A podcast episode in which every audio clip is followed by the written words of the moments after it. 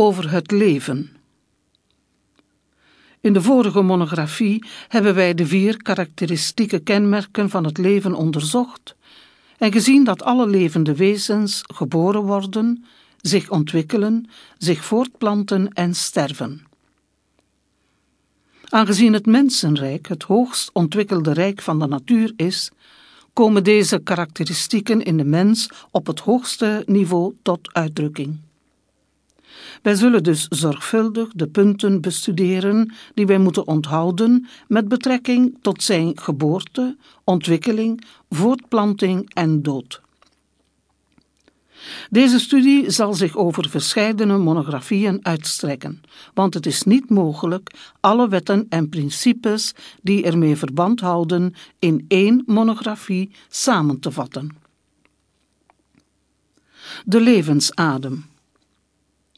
De geboorte van een mens is een gebeurtenis die ieders bewondering zou moeten wekken. Niet alleen vanwege de fysiologische processen waarvan zij het uiteindelijke resultaat is, maar ook vanwege de betekenis ervan op mystiek niveau. Als een kind ter wereld komt, is dit immers niet alleen een nieuw fysiek lichaam dat de leerschool van het aardse leven gaat doorlopen.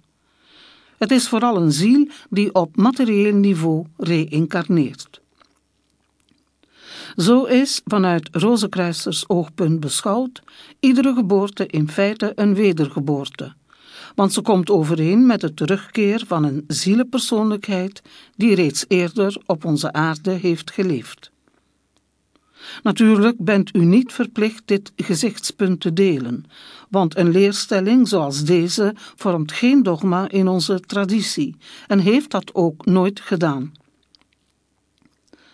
Maar aangezien de wetten die op deze leer betrekking hebben, altijd een onderwerp geweest zijn van de leringen die door onze orde werden doorgegeven, is het onze taak ze zo eenvoudig mogelijk voor u uiteen te zetten.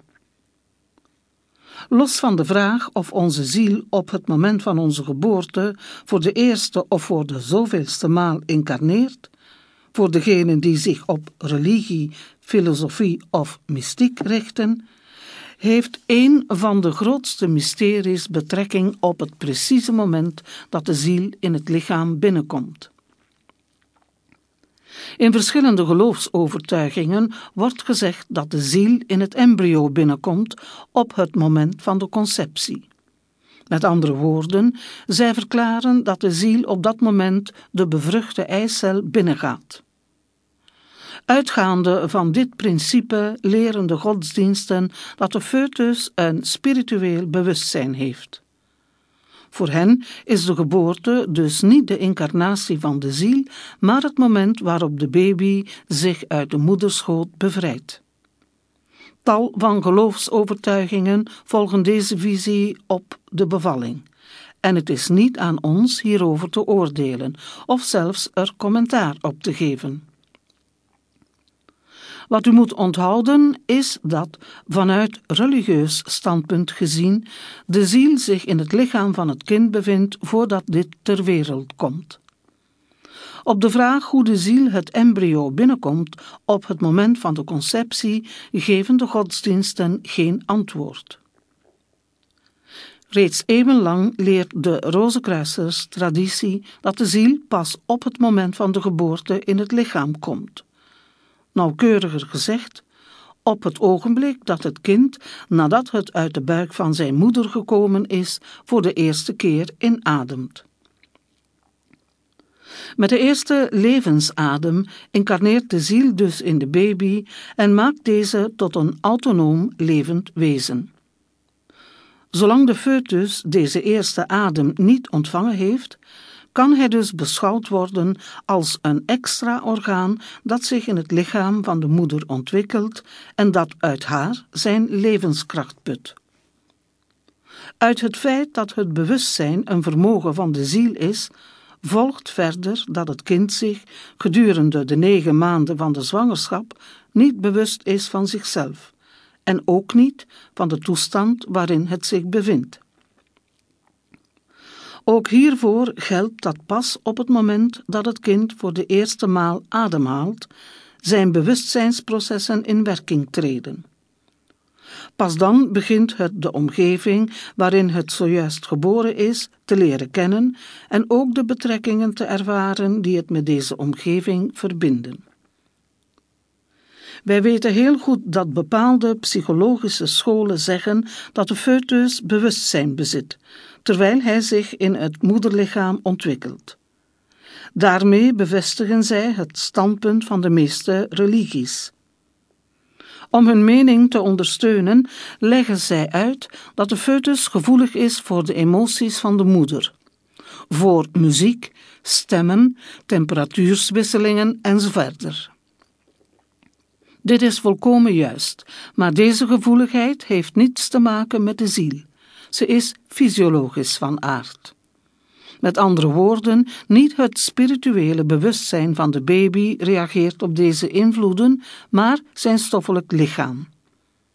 Dit zou u niet hoeven te verbazen, want in al onze organen vindt een voortdurende reactie plaats op onze emoties, onze gedachten en in het algemeen op alle in- en uitwendige prikkels die op ons worden uitgeoefend.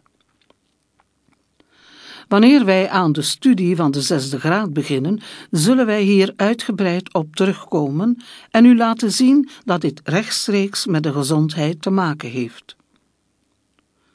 Als u aanvaardt dat de foetus als een orgaan beschouwd kan worden zolang hij in de moederbuik verblijft, dan begrijpt u dat de gevoeligheid ten opzichte van bepaalde prikkels waar hij blijk van geeft, overeenkomt met een organische reactie ten gevolge van zenuwprikkels en reflexen.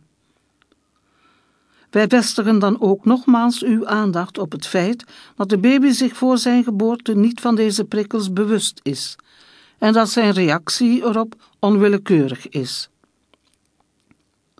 Overigens zullen wij in de volgende monografie zien dat het feit dat hij reageert voor de moeder juist een aansporing moet zijn goed zorg te dragen voor haar gedachten, emoties en de algemene sfeer waarin zij haar kind verwacht.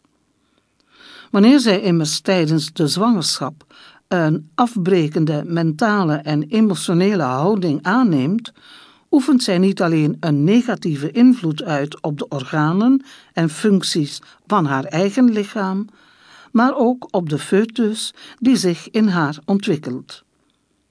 Zo oefent de moeder werkelijk een prenatale invloed uit op de baby die zij verwacht, of zij zich daarvan nu bewust is of niet. Het is dus van belang dat zij haar uiterste best doet te zorgen dat haar invloed positief is. De incarnatie van de ziel. Zoals u zult vermoeden, is de geboorte voor de ziel een betrekkelijk moeilijk moment. Ze wordt er als het ware door gevangen gezet, want zij verlaat het spirituele niveau om binnen te gaan in een stoffelijk lichaam, onderworpen aan de aardse beperkingen. Door te incarneren verliest zij ook de herinnering aan wat zij op kosmisch niveau ervaren heeft. Bovendien wordt haar visie op de dingen veel beperkter, want zij kan geen gebruik meer maken van het bewustzijnsveld waar zij op kosmisch niveau over beschikte. En tenslotte moet zij andere zielen verlaten die voor haar een familie vormden, vergelijkbaar met onze familie zoals wij die op aarde kennen. Om al deze redenen en nog heel wat andere waarover u zou moeten mediteren, is de incarnatie dan ook een moeilijke ervaring voor de ziel. Sommige personen die een bijna doodervaring hebben gehad, ondervonden vergelijkbare moeilijkheden voordat zij weer terugkeerden op het aardse niveau. Inderdaad moesten zij vaak hun fysieke lichaam weer aannemen met een gevoel van spijt, want de spirituele staat die zij in het kosmische beleefden, gaf hun een gevoel van vrede en vrijheid dat zij graag hadden willen behouden. De moeder is dus niet de enige die pijn lijdt wanneer zij een kind ter wereld brengt, want de ziel ondergaat de eerste beproeving van haar nieuwe aardse leven als zij incarneert. Natuurlijk is dit lijden niet van fysiologische aard, want zij voelt geen fysieke pijn op het moment van haar incarnatie. Het gaat veel meer om een gevoel van vervreemding in de overgangsfase tussen de spirituele staat die zij op kosmisch niveau kende en de toestand van beperking die zij ervaart als zij haar nieuwe stoffelijke voertuig binnengaat. Hoewel dit gevoel moeilijk met woorden te omschrijven is, kunt u het vergelijken met de gewaarwording die wij ervaren als wij plotseling midden in een droom worden gewekt. Ofschoon zo'n gewaarwording niet met fysieke pijn gepaard gaat, laat ze gedurende enkele minuten een onaangename indruk achter. Op dezelfde manier ervaart de ziel, wanneer zij op het moment van de eerste ademhaling in het lichaam incarneert, een zeker gevoel van onbehagen dat geleidelijk verdwijnt. Naast deze indruk ervaart zij een groot gemis, omdat zij de spirituele wereld verlaten heeft. Wij kunnen hier zelfs aan toevoegen dat dit gevoel van gemis gedurende ons hele aardse leven op een bepaald niveau van ons onderbewustzijn blijft bestaan en overgaat in een gevoel van heimwee dat ons er onbewust toe aanzet te trachten onze ware identiteit te ontdekken of, zo u wilt, te willen begrijpen waar wij vandaan komen en waar wij naartoe gaan. Zo vormt dit gevoel de onderliggende impuls voor de mystieke aspiraties die ieder mens op een bepaald moment van zijn evolutie koestert. Wanneer we ons er bewust van zijn wat een geboorte werkelijk betekent, zowel op fysiek als mystiek niveau, dan kunnen wij begrijpen waarom ze met de grootste zorg en aandacht omgeven moet worden. Dan weten wij immers dat het voor de ziel om de eerste beproeving gaat, waar zij in haar nieuwe aardse leven mee te maken krijgt en dan begrijpen wij dat het belangrijk is deze beproeving zoveel mogelijk te verlichten, door alle materiële en spirituele omstandigheden te creëren die haar incarnatie kunnen vergemakkelijken.